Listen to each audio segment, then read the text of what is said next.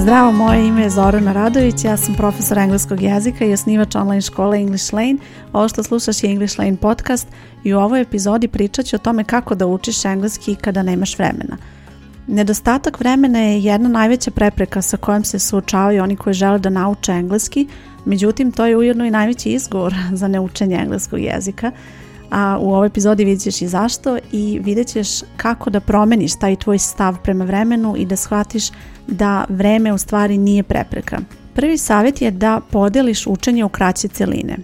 To znači da je potrebno da materijale koje planiraš da pređeš u jednoj sesiji učenja budu podeljeni tako da možeš da ih pređeš u kratkom vremenskom roku. Na taj način bit ćeš mnogo više fokusirana da učiš i mnogo više motivisana jer ćeš imati zaokruženu celinu. Dakle, kada sedneš da učiš, nećeš doći u situaciju da prekineš učenje na pola i da kažeš ne mogu sada, nisam više zainteresovan, nemam više koncentracije, nego ćeš uvijek imati zaokružen neki tok misli koji si prešla u tom trenutku. Zamisli situaciju da dolaziš sa posla i da imaš opciju da učiš nekih 10-15 minuta tu neku kraću celinu koju već imaš pripremljenu, a druga opcija je da ti je provedeš 2 ili 3 sata u učenju.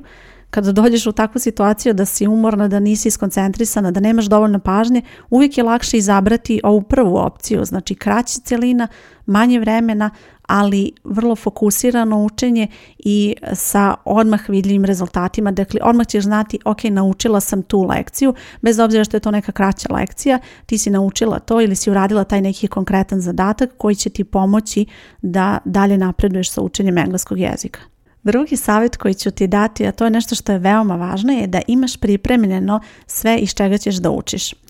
Najgori scenarij je da dođeš tako umorna i bez neke posebne volje za učenjem, ali nekako smogneš snage da kreneš sa učenjem i nateraš sebe i da skupiš nekih 15 minuta da se posvetiš učenju uprko svim obavezama i onda uključiš kompjuter i onda kreneš da tražiš na Google recimo neku lekciju kako se gradi Present Perfect, pa neke vež, neka vežbanja, pa neki primjeri i onda kreneš da tražiš neke silne resurse, neke sajtove i onda prosto ne znaš ni šta si krenula da tražiš, ni koji si sajt gledala, ni gdje si pročitala informaciju i na kraju više vremena provedeš u toj organizaciji šta da učiš, a na kraju najmanje vremena posvetiš zapravo učenju te lekcije. Dakle, ukoliko učiš samostalno i ukoliko koristiš neke internet resurse, ukoliko koristiš neku knjigu iz koje ćeš učiti i tako dalje, uvijek odvoji jedno vrijeme da pripremiš sebi plan kako ćeš učiti, šta ćeš učiti, kojim ćeš redom prelaziti lekcije. Sve moraš da imaš pripremljeno da bi mogla uh, uspešno da učiš u tom trenutku kad zaista sedneš da učiš, da ne moraš u tom trenutku da ništa pripremaš i da ništa tražiš po internetu, već da imaš sve spremno pred sobom. Idemo sada na treći savjet i ovo je nešto što ja uvijek preporučujem mojim polaznicama, a to je da je uvijek bolje učiti i 15 minuta nego ne učiti ništa. I evo zašto. Ti ako posvetiš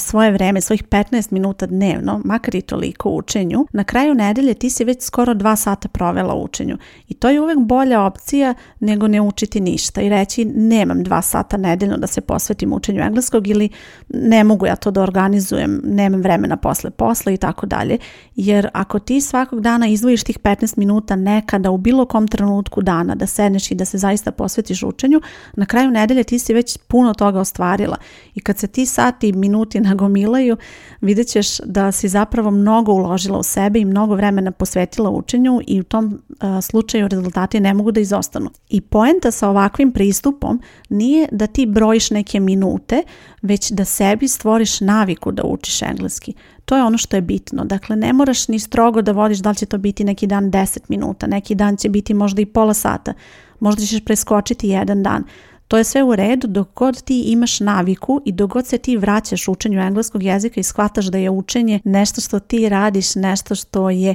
tvoja rutina i čemu se uvek posvetiš u nekom trenutku dana ili eto u nekom trenutku nedelje kad god ti nađeš vremena za to, ali bitno je da istraješ u tome jer najteže je zapravo krenuti, najteže je krenuti sa tom navikom i stvoriti tu naviku, a vidjet ćeš da što više napreduješ i što više usvojaš taj pristup, onda će ti svaki put učenje engleskog biti zabavno, neće ti biti dosadno i neće ti biti obaveza i nećeš više vidjeti vreme kao prepreku, nego ćeš vreme vidjeti kao priliku, priliku da nešto naučiš.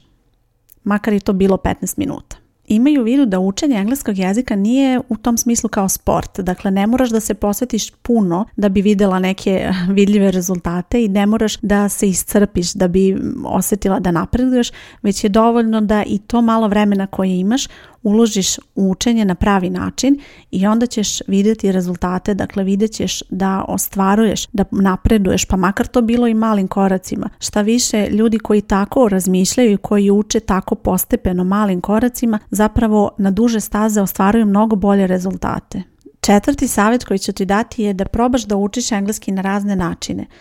To znači da je potrebno da prevaziđeš onu tradicionalnu sliku gdje ti moraš da imaš neku knjigu, da čitaš neke lekcije, popunjavaš vežbanja ili da ideš na čas da slušaš profesora koji će to sve isto ispričati,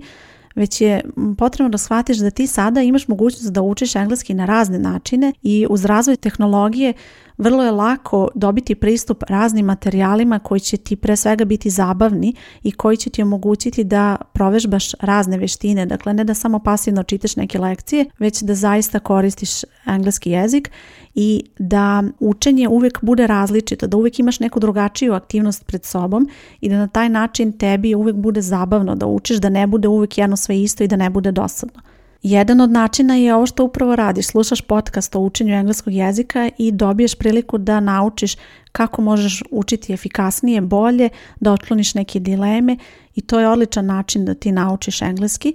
Dalje možeš slušati YouTube videe gdje ćeš dobiti priliku da čuješ izraze koje si već učila u nekim lekcijama, koje si vidjela u nekim vežbanjima, da prepoznaješ te izraze, da čuješ kako se oni koriste u govoru. Zatim možeš koristiti neku aplikaciju da učiš nove reči. Sve su to neki načini um, na koje možeš da učiš engleski jezik i ono što je još bitnije da kad koristiš ove razne načine, ti zapravo imaš priliku da učiš u bilo kom trenutku. Na primjer, sada dok ti slušaš ovaj podcast, ti možda voziš se do posla, možda voziš bicikl, možda ideš do prodavnice. Dakle, ti dok radiš nešto drugo, ujedno i učiš engleski jezik, to jest saznaješ nešto novo o engleskom jeziku i to je odlična prilika da učiš i da koristiš svoje vreme na efikasan način. Da ponovim još jednom sve savete koje sam navela koji će ti pomoći da učiš engleski kada nemaš vremena. Podeli učenje u kraće celine.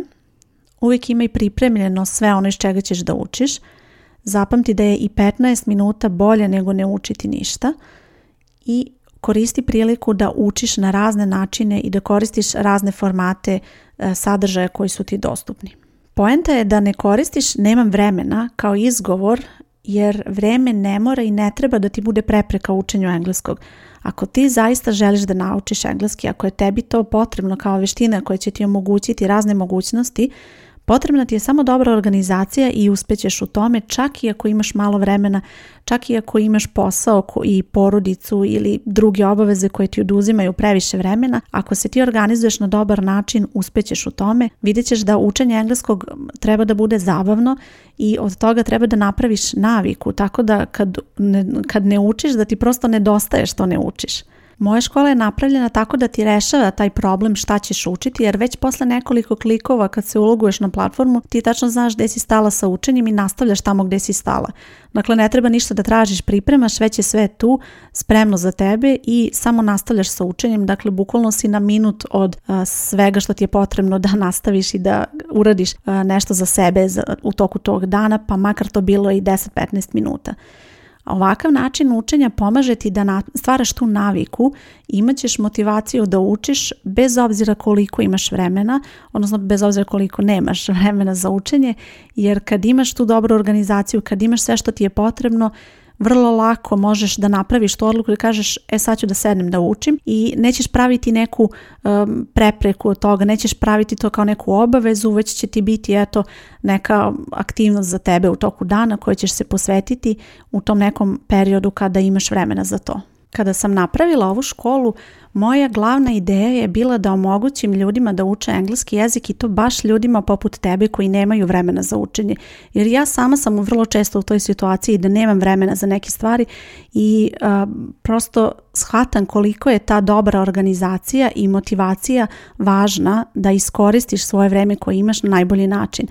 Zato je moja škola i napravljena na takav način da omogućava ljudima koji nemaju dovoljno vremena, koji nemaju vremena da se posvete učenju satima dnevno, već e, imaju ograničeno vreme i ali ipak imaju želju da nauče engleski, da mogu to da ostvare. U pitanju je online škola koja se zove English Lane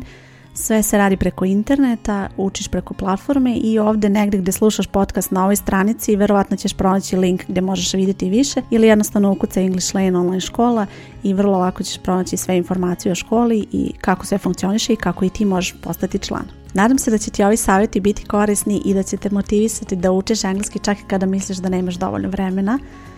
Ja sam Zorana Radović i hvala ti što slušaš podcast. Ćao!